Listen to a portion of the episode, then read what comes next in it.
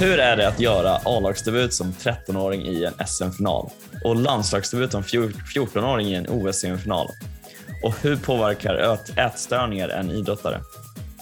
Ja men hallå, Jakob Wikenståhl här igen från eh, Sportljus podcast. Eh, varmt välkommen till ett nytt härligt avsnitt där vi ska prata med Kim Martin Hasson och eh, som vanligt så är ju Sportljus podcast just den här podden där vi tar oss an eh, idrottens eh, eh, intressanta perspektiv. Vi gör en djupdykning i idrottens värld och eh, intervjuar helt enkelt spännande människor om deras karriärer och liv inom idrotten. Och vi gör säsong tre eh, i samarbete med Sportedelsten, eh, jobbplattformen som är bara för dig som vill hitta ett drömjobb eller en drömkandidat inom idrotten. Gå vidare på sportedelsten.se för att ta reda på mer. Men nu så får jag göra en, en liten kort introduktion här. Vi kommer få höra mer strax, men låt mig presentera Kim Martin Hasson, en av tidernas största kvinnliga idrotts, eh, idrottsstjärnor, men specifikt inom ishockeyn en stor förebild. Kim plockade sin första puck som nioåring i Hammarbys pojklag födda 1986. Hon gjorde debut som 13-åring i seniorspel för AIK i SM-final och debuterade som 14-åring i landslaget under OS-turneringen i Salt Lake City 2002. Och det blev dessutom hela 244 landslagsmatcher. Utöver det här så har Kim vunnit många meriter men kanske främst har hon utsetts till världens bästa kvinnliga ishockeyspelare två gånger. Hon har dessutom blivit mästare i Sverige, USA och Ryssland och deltagit på hela fyra OS. Med det här sagt så vill jag önska Kim varmt välkommen till Sportljus podcast. Tack så jättemycket. Hur, eh, hur känns det när du får höra sådana här saker eh, med allt du har varit med om hittills? Ja, man, det är inte någonting man går och tänker på varje, varje dag, så det är klart att det, det, det, det är ändå så här, jag är absolut stolt över min karriär, eh, men man glömmer väldigt lätt när man lever den vanliga vardagen vad man kanske har åstadkommit. Så det är väl alltid trevligt att bli lite påmind ibland.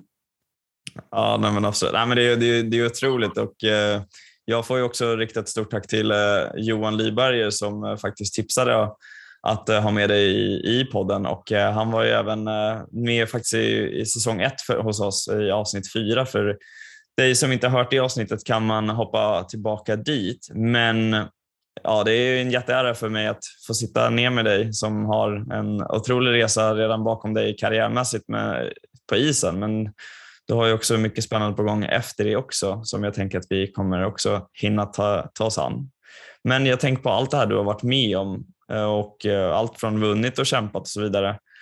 Nu efteråt i karriären, är det någonting du reflekterar någon gång under, under vardagen?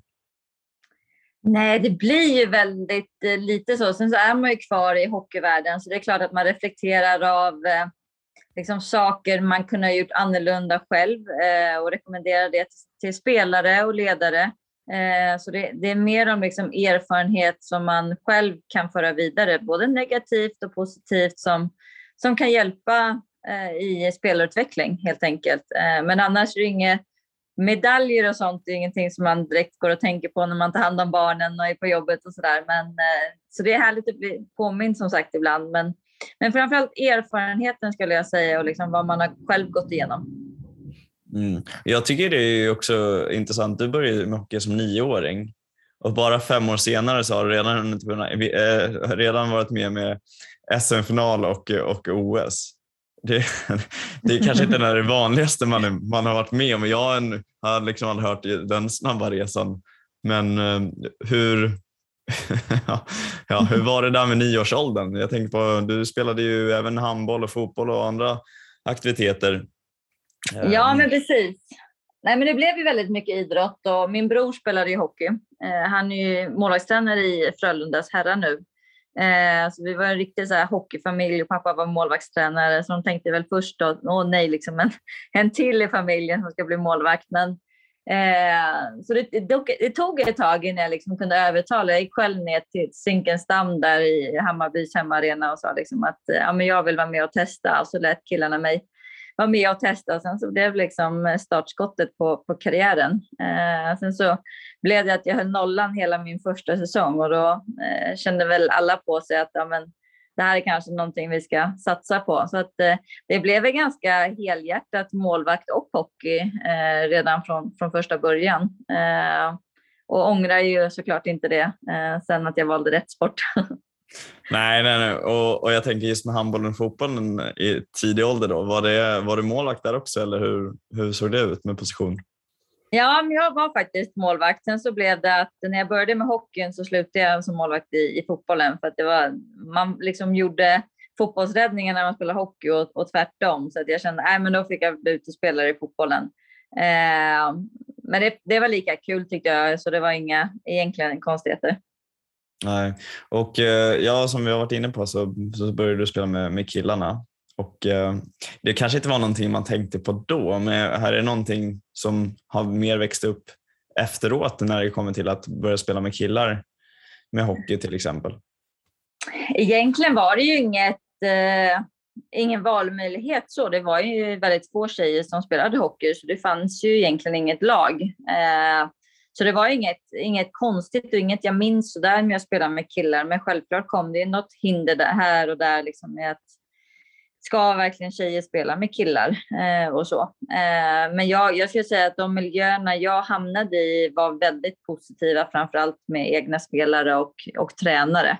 Eh, sen blev det ibland lite med, med högre uppsatta i, i föreningarna som ifrågasatte lite så, men jag känner alltid att jag, jag har ändå haft en väldigt bra uppväxt liksom inom killhockeyn. Ehm, men sen så blev det ju att jag drog mig lite mer till, till damhockey eh, när jag fick reda på att det, det började komma fler och fler. Eh, så då dubblerade jag ganska mycket ett tag. Så var det två träningar om dagen eller var det jämt ständig träning varje dag? Nej, det, blev ju, det blev ganska mycket kan man väl säga. Eh, men killarna gick ju alltid först. Eh, som det krockade så blev killarna först. Men annars så blev det mycket, mycket dubblering och triplering. Ja, jag förstår. Jag misstänker på att familjen fick åka runt en hel del, och även då brorsan spelade. Ja, precis. Det fick bli så. Du, jag tänker på just det här äh, med att spela med, med pojkar till exempel inom äh, just ishockey som är väl sett en rätt mansdominerad sport fortfarande. Hur skulle du se det ser ut idag när det kommer till eh, tjejer som spelar med killar eller hur ser det ut idag enligt din mening? Eh, det är absolut fortfarande tjejer som spelar med killar, men jag skulle säga att det är mer vanligt att tjejerna spelar eh, med tjejer. Jag skulle kanske på de allra lägsta åldrarna så är det väl ganska vanligt fortfarande med att tjejer spelar med killar, men det finns fler flicklag och det, det satsas mera. Eh, nu tror jag man i alla fall lockas över till damsidan lite snabbare. Eh, sen har ju damhockey och flickhockey gått eh, framåt något enormt så att det, det är som natt och dag sedan man själv spelade. Eh, så att det, de har en väldigt eh, ljus framtid, de tjejer som, som börjar spela hockey. Mm.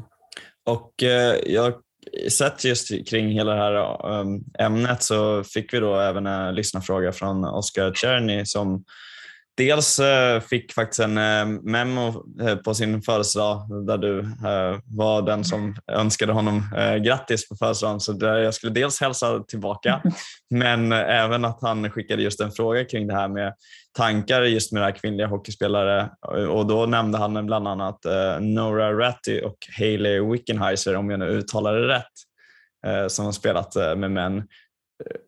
Kan du berätta lite mer kanske kring Eh, också kring hur den biten är. Jag misstänker att de är också som dig varit typ på eliten och eh, spelat med män. Hur, hur ser det ut på liksom elitsidan? Det är ju väldigt få tjejer som, som når liksom allra, allra högst och många är ganska, ganska nöjda med liksom sin situation tack vare att damhockeyn har gått framåt. Men det finns ju några undantag som är sugna på att eh, se hur långt de kommer liksom på, på killsidan. Eh, vi har en tysk målvakt också som spelar eh, herrhockey till exempel i, i tyska ligan.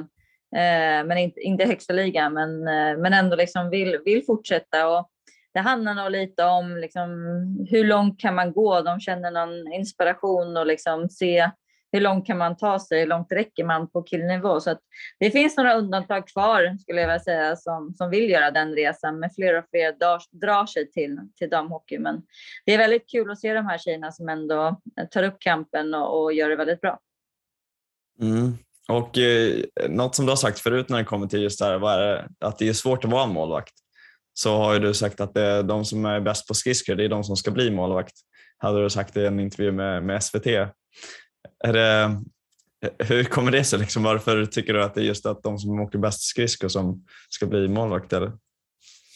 Nej, men många tror ju att målvakterna inte liksom använder skridskoåkningen så mycket. Man, man står mest där, men, men, man rör sig otroligt mycket på skridskorna. Eh, så man märker ju de målvakterna som har problem med skridskoåkningen, de har det väldigt svårt och får kanske leva på, på andra aspekter. Och då kanske man till exempel måste vara ganska stor och lång och det är ju inte jättemånga, till exempel dammålvakter, utan där krävs att man har en bra skridskoåkning och kan förflytta sig efter puck.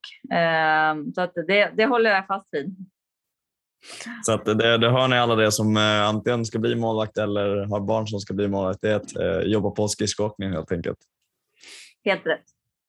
Ja, men du, eh, vi var inne på det lite tidigt också just med den här eh, tidig, tidig ålder in i seniorspelet. Alltså, det låter helt sjukt ändå att du spelar med AIK i en SM-final som 13-åring. Det är liksom, fråga folk hur man gör en debut och du hoppar in i en SM-final och gör en debut som 13-åring. Vilket är ju enligt min mening sjukt tidigt, men eh, vad sa föräldrarna? Jag tror aldrig vi liksom har tänkt så mycket på varken att jag är tjej eller att jag var ung, liksom, utan Eh, vi körde på och jag antar att mina föräldrar ansåg så länge liksom jag trivs med, med vardagen och läget och, eh, så kör vi liksom. Eh, jag tror vi aldrig liksom har funderat så mycket på att man har varit eh, tidig och sådär. Eh, men nu när man tänker efter så är ja, det är väldigt tidig debut, eh, både med SM där och eh, med landslaget. Eh, det är väl kanske inte lika vanligt längre, men, men det finns ju fortfarande undantag eh, på den nivån. Men eh, ja, nej, jag var väl, jag var väl tidig och hade talang helt enkelt. Hur fick du veta sen med landslaget? För bara året efter så blev du inkallad till eh, OS. Ja, jag hann ju med ett VM precis innan, innan OS där och jag var ju tänkt eh, andra målvakt och jag var andra målvakt på liksom, själva VMet där. Eh, men sen så under OS så, så blev det lite en generationsväxling mm, skulle jag nog säga att den målvakten som var första målet hade varit det länge eh, och förbundskaptenen såg väl kanske sin chans och såg att jag hade någonting. Eh, så han, han egentligen tog in mig på hotellrummet och bara ville få mig att fundera att det är ändå ganska stort. Liksom, om, man, om man misslyckas så kan det ta ganska hårt på en, en ung eh, målvakt. Så han tog in mig och bara frågade liksom, ja, men hur skulle det liksom kännas om, om det inte gick vägen. Eh, och så fick jag gå ner och fundera och så kom jag tillbaka och sa, ja, men om jag lyckas då? Eh, och då kände han att ja, nej, du är nog tillräckligt mogen för att, för att ta den här chansen. Så att, ja, det gick i vägen sen till slut också. Ja, nej, men exakt. Och just för det här beskedet att stå, stå i bronsmatchen. Det var just den frågan som var nyckeln till hela. Precis, då kände han att ja, men du, kommer du tillbaka med ett sådant svar då, eh, då har du liksom det, det mentala kanske som, som krävs för att stå en sån match. Och jag, eh, återigen så här instick från vad som har kommit utifrån här som är frågor och liknande. Så just kring den här situationen så ska jag eh, både hälsa från eh, Lars G Karlsson såväl som att eh, nämna det med och fråga just så här, känslan du hade när du just går in i den här matchen och gör den omöjliga räddningen efter den andra fram till slutsignal. Hur, kan du minnas lite hur det kändes under match, matchen? Där? Eh, jag skulle säga innan matchen så, jag tror jag var ung och dum tänkte jag säga. Jag, jag förstod liksom inte allvaret i, i det hela eh, utan jag bara gick in och, och eh, ja, men spelade som vilken match som helst. Eh, och, och, jag tror att i matchen när man bara känner att ja, men det är liksom allting bara flyter på. Det flöt på för laget och det flöt på för mig. Och, då är det liksom bara som att man eh, svävar på moln och allting bara funkar. Det är en underbar känsla och jag tror att vi hade en, en jättehärlig känsla inom laget. eh, och verkligen trodde på oss själva. Så att, eh, jag var inte alls nervös utan eh, men det var bara otroligt spännande och kul och inspirerande. Eh, det är klart att ju äldre man blev och ju mer man insåg vad man höll på med, desto jobbigare blev det mentalt, absolut. Just, just då hoppar man över fyra år till nästa OS i Turin. Känner du just det att det var mer press på dig och det var ett större ansvar att kliva in i, den, i det mästerskapet? Ja, men det tycker jag absolut. Eh, jag tycker ändå för sig fortfarande, vi hade ganska mycket medaljer där under de åren. Eh, så jag, jag, tycker ändå att jag var inte lika nervös. Jag tycker det växte ännu mer efter 06 så tycker jag att jag satte mer och mer krav på mig. Eh, men just där 2006 så kände jag fortfarande, jag kände mig i enormt bra form. Eh, jag hade varit ett år i Malmö och spelat på hög nivå, haft en hög eh, träningsdos. Ehm, så jag kände mig liksom i form och det tycker jag ändå det är viktigt för att kunna prestera. Så jag skulle säga att de åren jag var som mest tränad och, och kände mig bra, liksom, det var de åren jag också presterade och flytet liksom rullade på. Ehm, så att jag tycker ändå att jag gick in i den turneringen med ganska liksom bra självförtroende och tro på det vi gjorde. Och, Eh, jag skulle inte säga att jag hade den där nervositeten, den hade inte riktigt eh, växt fram än, utan det kom lite mer efter det skulle jag säga. Och eh, för de som inte riktigt har koll på OS i Turin 2006 så kan man ju säga så här att inför så är det ju Kanada och USA som är de stora, stora landslagen inom damhockeyn. Och eh, det var ju bara Kanada som hade hunnit, som hade, så ja, som hade hunnit vinna över, över USA fram till dess. Och, eh, ni ställs ju mot USA i semifinalen och eh, vinner. Och det kanske ingen trodde på förhand, men eh, vad, vad tror du gjorde att just ni lyckades den här gången? Ja, men jag tror ett väldigt bra ledarskap, dels från eh, tränare men också lagkaptener och en, liksom den äldre stommen i, i laget. Vi, vi hade haft väldigt många hårda träningsläger, byggt upp en, en stark stomme i ett par år som, eh, som verkligen liksom var som en familj. Eh, så jag skulle säga liksom att vi alla trodde på det vi gjorde och ville offra sig för varandra. Och jag kan säga att kvaliteten på lagen, om man kollar på skills och sånt nu till idag, så är det ju enormt mycket bättre hockey. Men, men jag tror vi hade några extra, att vi, vi var väldigt vältränade. Eh, vi ville mycket tillsammans eh, och som sagt ett, ett bra ledarskap. Så eh, det tog oss långt.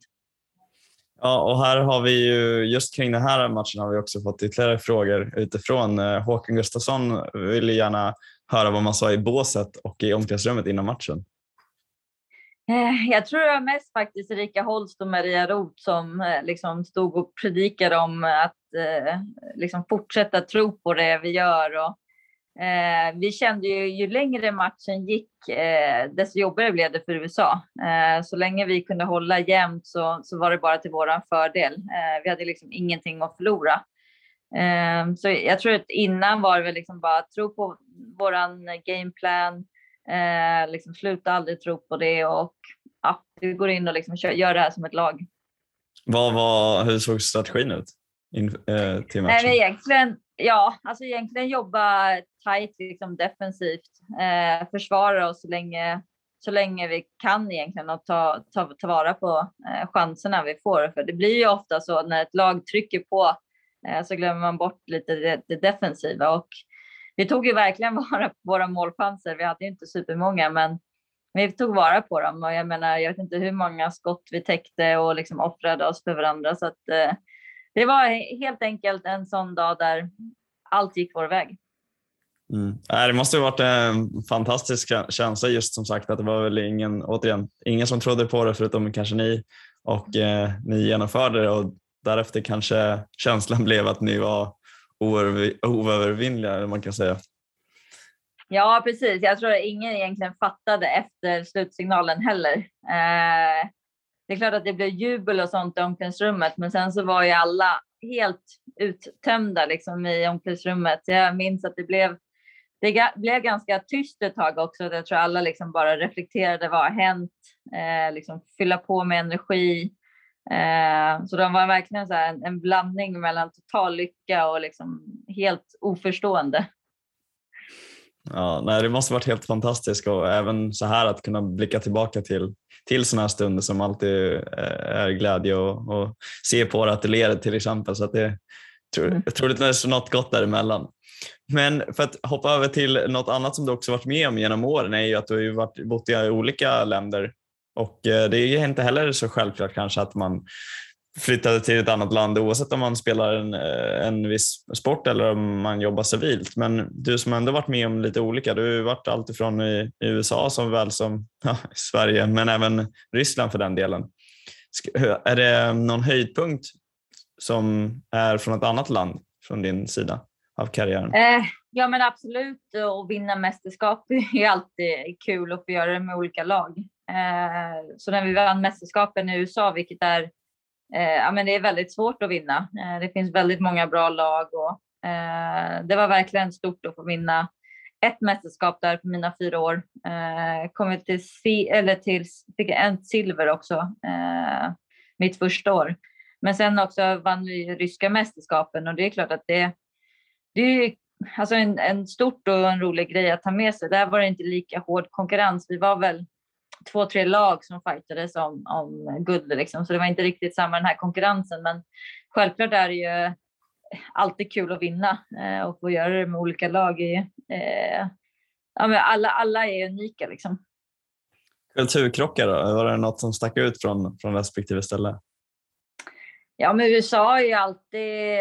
Eh, alltså jag tyckte alla ställen var speciella så, men, men USA är liksom när, det var första gången riktigt så här kanske bo själv eh, lite annorlunda mat. Eh, men hockeyn var ju väldigt mycket bättre än, än Sverige till exempel. Det, eh, vi hade ju allt eh, som, som man behöver om man kollar, liksom, tänker på NHL och alla de förutsättningarna med, med isbad och eh, fystränare och eh, alltså jättefint omklädningsrum och ja, egentligen allt man behöver har de. Liksom. Flög privatplan och träffade presidenten när vi vann och sånt där. Eh, så de, de har ju verkligen allt för att, att eh, man ska kunna lyckas och, och, kunna prestera och utvecklas. Eh, Ryssland var väl absolut, det var, där kan man känna en rätt bra med pengar. Eh, det var ändå rätt ett proffsigt liksom så. Vi hade tränade oftast dagtid. Det var ingen annan som riktigt gjorde så mycket annat än spela hockey. Men eh, standarden liksom på omklädningsrum och så var inte riktigt detsamma. Eh, men där var det mycket kulturkrockar med liksom hur, hur samhället är uppbyggt med män som oftast eh, liksom bestämde. Och, eh, där var det ja, som sagt väldigt annorlunda med, med kulturen så skulle jag vilja säga. USA tyckte jag ändå var hyfsat likt om man kollar på ledarskap och sådär som Sverige. Men Ryssland var väldigt annorlunda. Hur funkar det med språket? Du, engelskan vet jag i och för sig inte hur den var heller tillbaka i tiden så, men jag tänker just i Ryssland så är språket extremt annorlunda än man är uppväxt med. Mm. I det ryska laget var det ju bara tre spelare som kunde engelska, eh, så det blev ju mycket teckenspråk och eh, ja, försöka kommunicera på ett eller annat sätt. Så att eh, det var väldigt speciellt. Men vi var ju fem utländska spelare som var med och där pratade vi alla engelska så, men av de ryska spelarna så var det bara två, tre stycken som kunde engelska. Så det var, ja, det, det blev en, eh, en utmaning ibland så att säga. Lärde du någon ryska från, från ett år? Nej, väldigt lite. Det var liksom tack och hej och hur mår du? I princip. Eh, så inte jättemycket. Jag förstår. Men du, eh, en annan grej just i USA som du var inne på innan, så ja, ni kom in båda två och vann och resurserna verkar ha varit otroligt generösa sett till vad de flesta kanske är vana vid.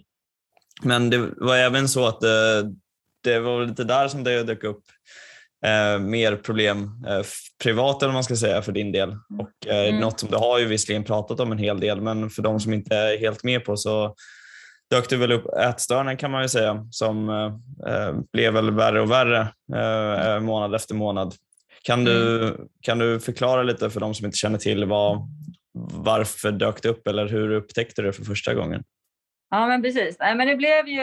Eh, det kom ju som sagt under många års tid eh, och liksom, det var inte så att jag rasade i vikt på en gång, utan det blev ju efter mitt första år i USA. Så det var inte så att jag åt eh, alltså onyttigt eller någonting. Det var en annan liksom, kultur och jag gick upp några kilon. Nu brukar jag säga freshman 15, att man går upp 15, eh, vad heter sådana där, eh, pounds. Liksom. pounds ja. mm.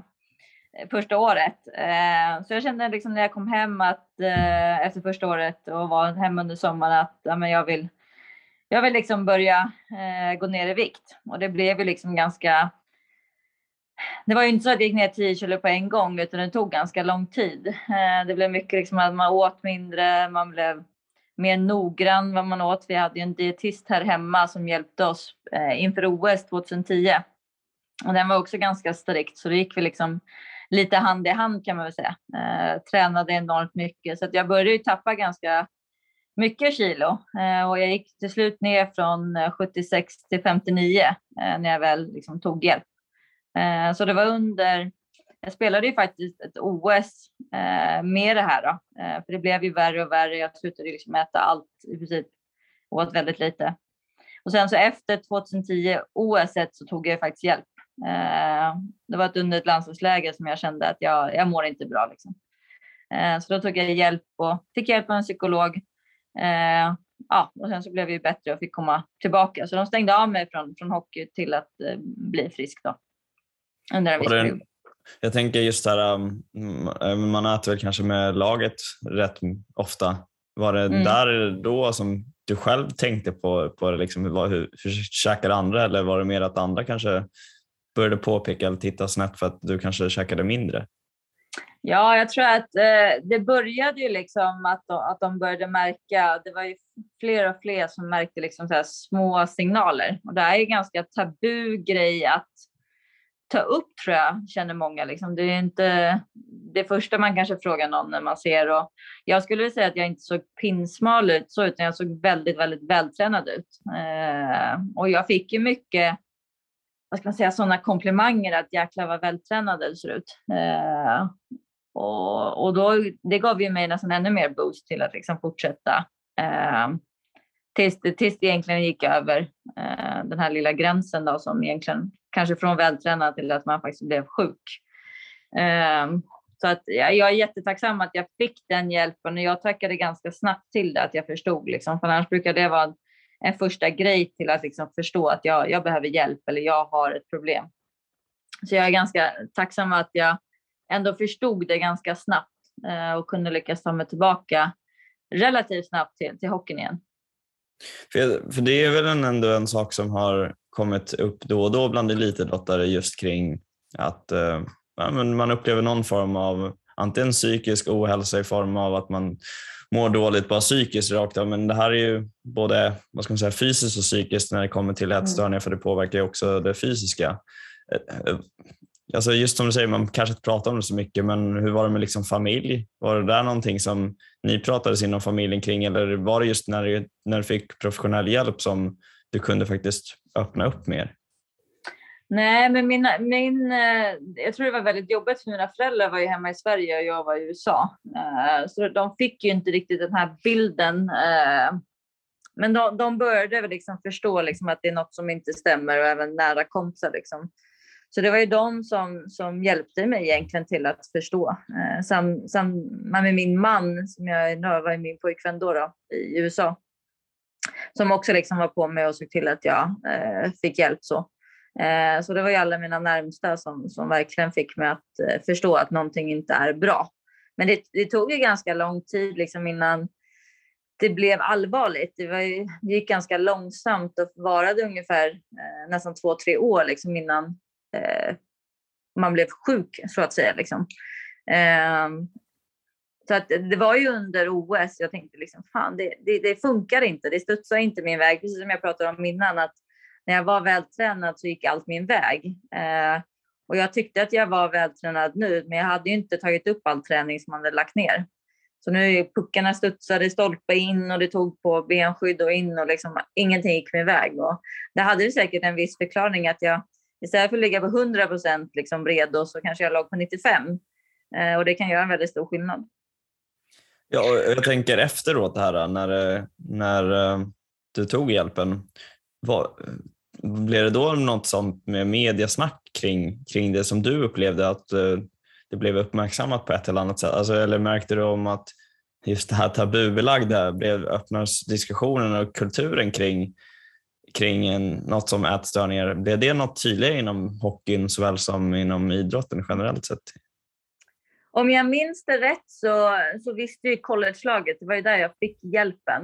Eh, men jag tror inte det kom ut liksom i, vad ska man säga, i Sverige och i media så eh, förrän jag berättade eh, något år efter. Eh, och då, då blev det väl, men jag skulle säga att det blev en, en positiv effekt där jag kände att jag har nog möjligheten att kunna hjälpa andra. Eh, eh vilket känns jätteskönt för jag har kunnat hjälpa andra också eh, privat, liksom, så att pratat om det och eh, hjälpt några föräldrar som har liksom, eh, ja, berättat om sina döttrar och sådär. Eh, men, men jag tror fortfarande att det är lite tabu. Jag tror att det blir bättre med att man vågar prata om det och att eh, många ledare kanske ser tecken eller många liksom föräldrar ser tecken snabbare så, eh, mer uppmärksammade på det. Men men jag tror det är fortfarande inte någonting man pratar jättemycket om eh, inom liksom, föreningar och lag och eh, de bitarna. Liksom. Vad, vad är det man kan skicka med till om, det är, om man alltid är en förälder som lyssnar på det här eller om man själv är en ja, ungdom som, eh, som utövar en idrott eller även senior för den delen. Vad liksom, mm. vad vi kan skicka med till dem när det kommer till, till just ätstörningssituationen? Eh, Mm, det är jättesvårt. Eh, jag tror alla är väldigt olika, men jag gillade inte liksom när, när folk pushade mig, utan mer att man kunde liksom sitta och prata om det och försöka förstå att vad är det som händer med kroppen? Vad händer liksom mentalt? Eh, mår du verkligen bättre nu än vad du gjorde förut? Och det är väl det jag vill skicka till de som, som lever med det idag. Det är att eh, jag lovar att man mår mycket bättre som frisk. Eh, man tror att man mår bra eh, när man är smal och liksom, men, men man mår tusen gånger bättre när man är eh, frisk eh, och det kan jag lova. Eh, många av de som jag har hjälpt idag är, säger det själva. Mm. Ja, och det är ju säkert svårt att veta när, om man är fortfarande mm. så att säga sjuk eller har, har utmaningar med det, att just veta när är det man är frisk. Och det vet man ju troligtvis inte förrän man har kommit över den där, det där hindret och mm. känner det själv.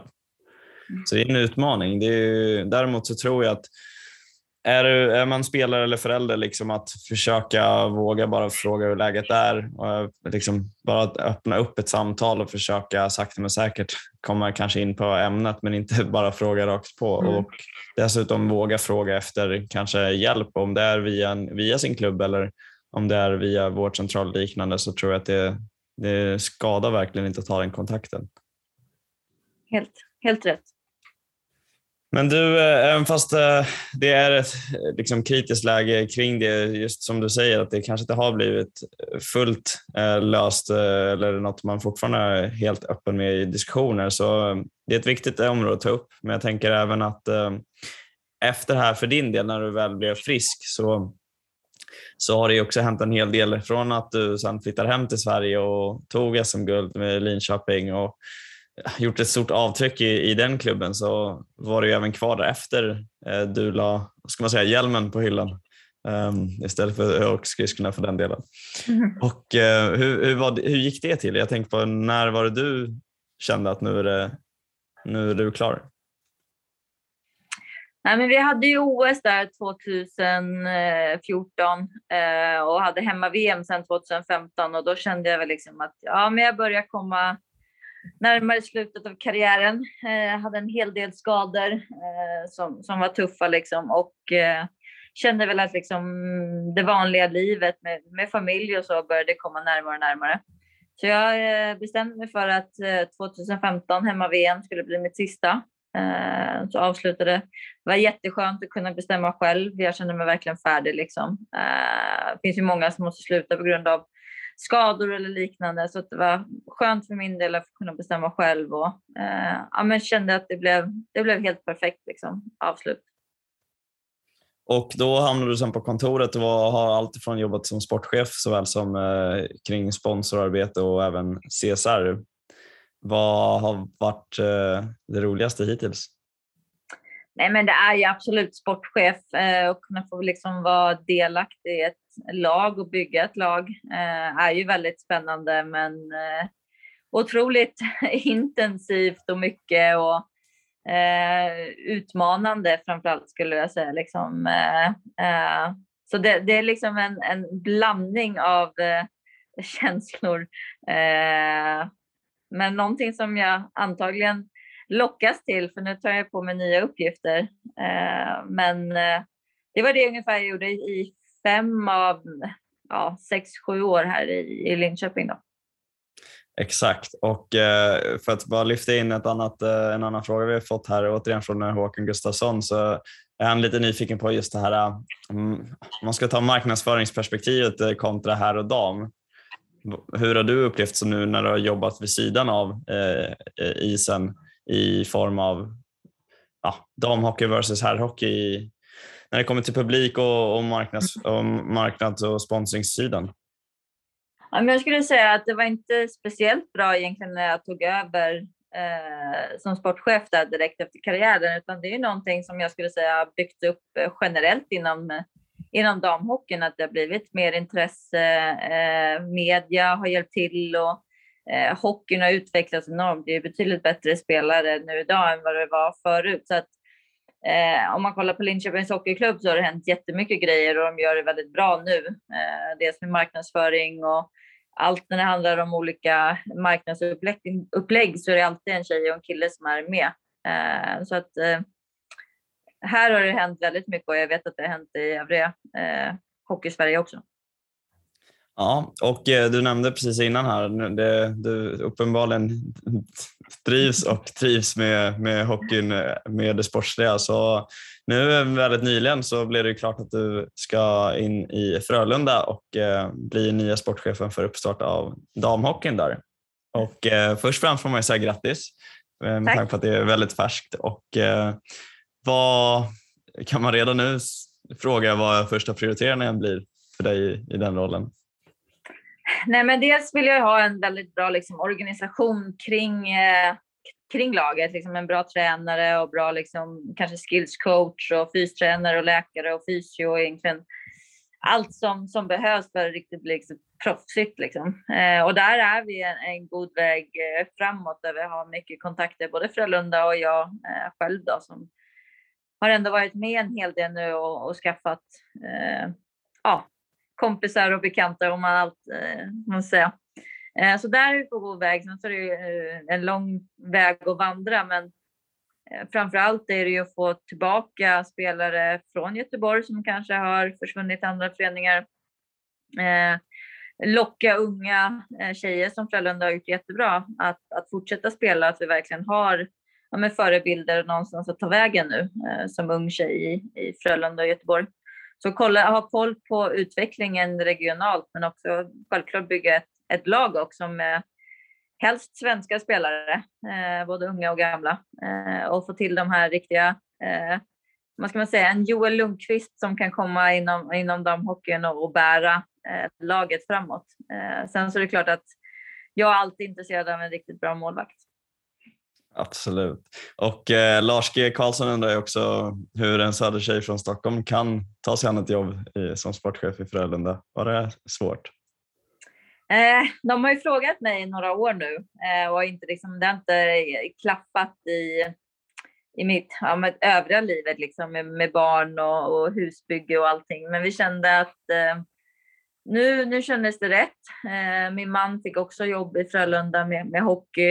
Eh, det, det blev liksom rätt timing i livet. Eh, så jag, det känns väldigt spännande.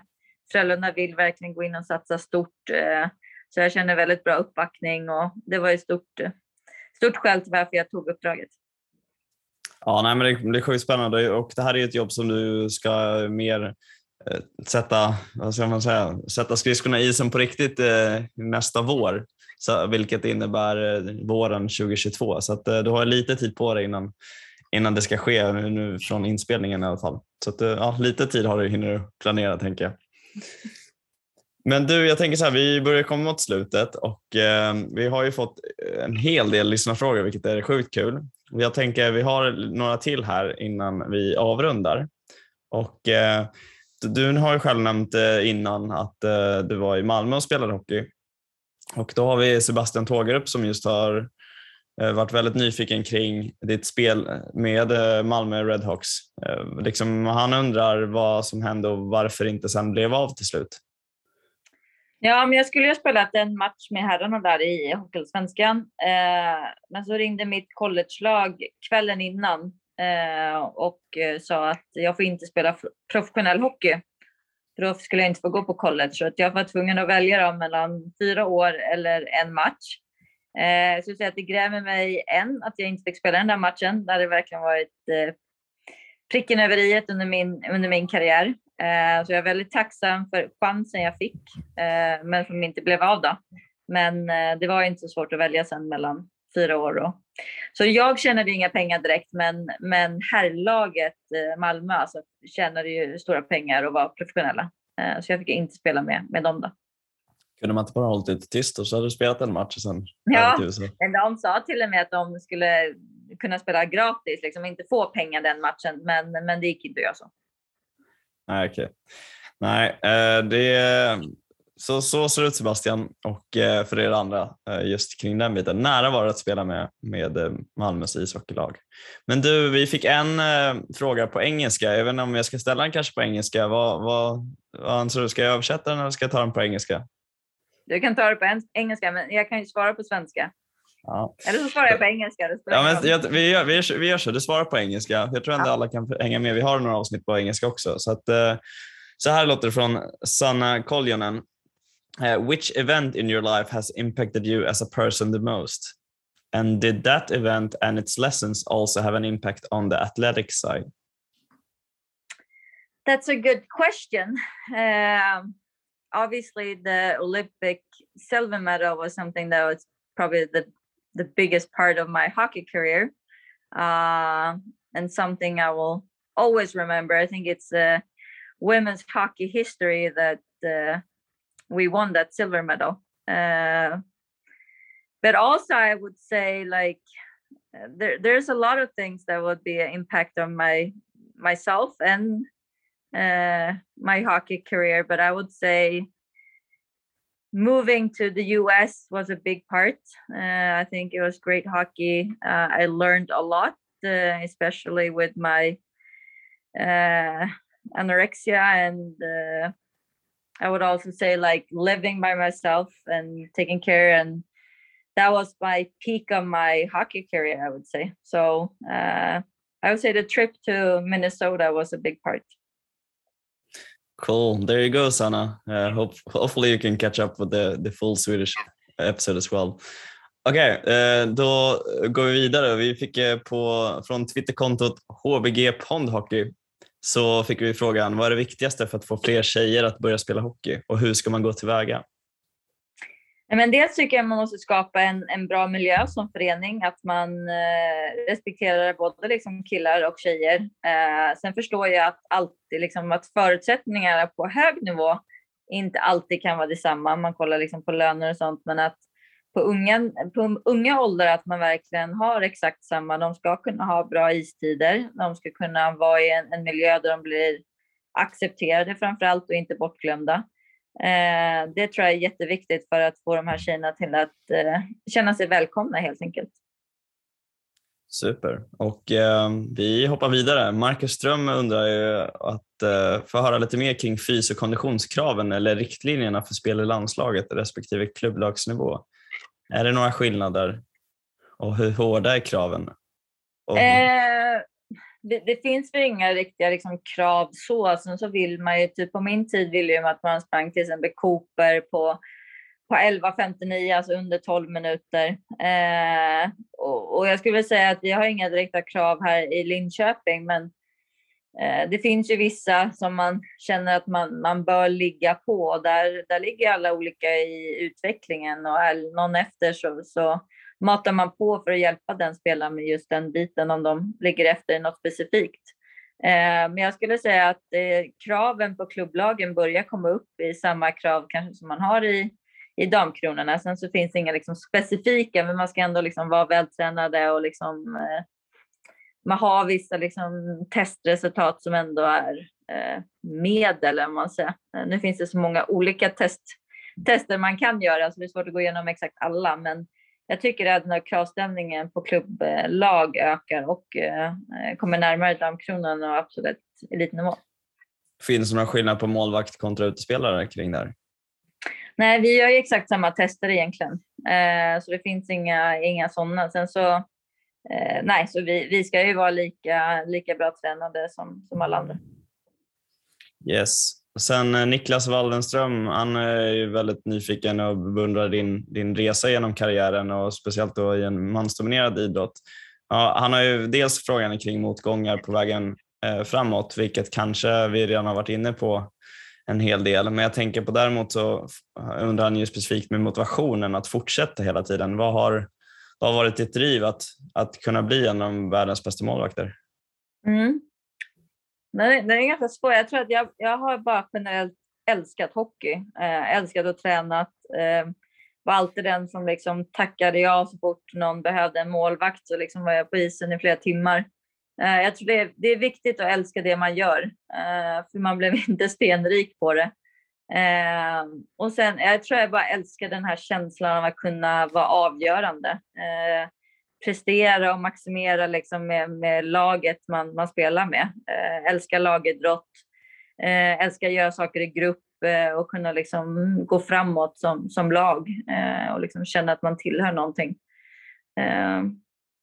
ja, och sen så är det såklart att man har haft delmål och stora mål. Liksom. Och jag kände väl, eh, får man uppleva vissa grejer så vill man ju bara uppleva mer. Och jag, jag har verkligen en stor eloge till de som kanske inte alltid liksom ligger på gränsen. Eh, de här som kanske typ kom med på läger men aldrig fick uppleva VM och sånt. Eh, jag har ju större respekt nästan mot dem, att de orkar, eh, än oss som fick vara med på det mesta. För att de, de fick göra vad ska man säga, skitjobbet men aldrig fick liksom se liksom, målet. Så.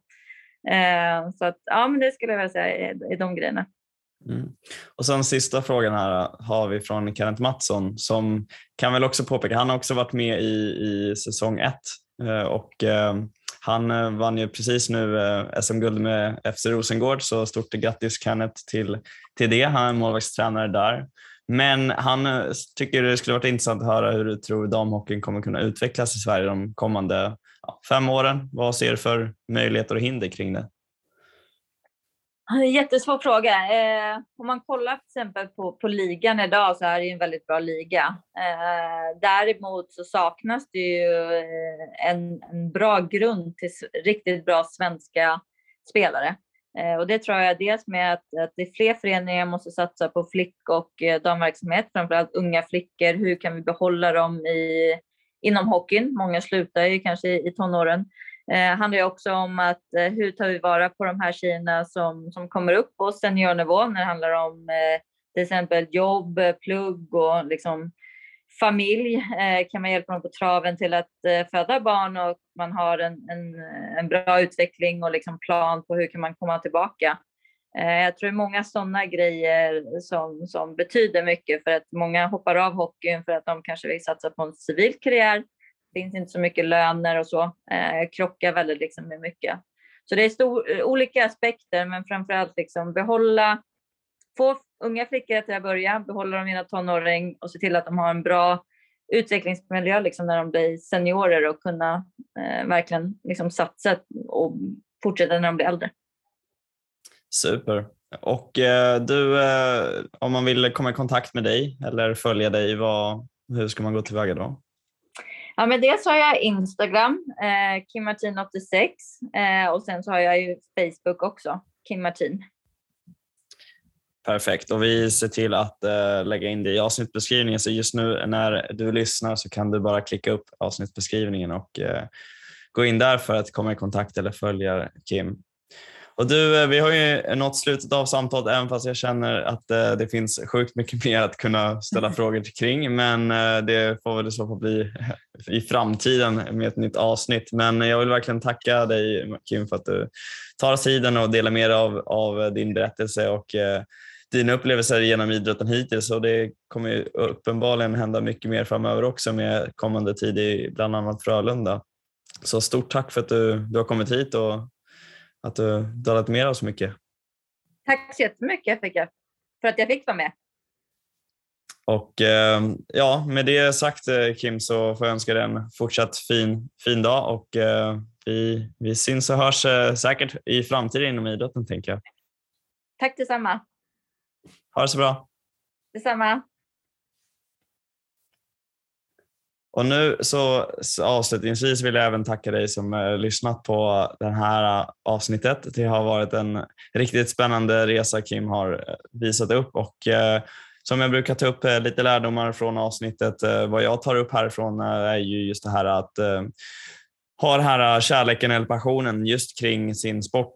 Gör väldigt mycket. Det är det som oftast gör att man orkar att eh, köra på med träning. Mycket av det Kim beskriver är ju att eh, bara nöta på men kärleken till isen och, och hockeyn är ju det som har varit en stor del av drivet och sen det här med lagspel har varit mycket viktigt för henne att hålla igång. Men eh, även eh, den tyngre delen så våga ta hjälp och eh, våga prata om både det sportsliga såväl som psykiska och fysiska.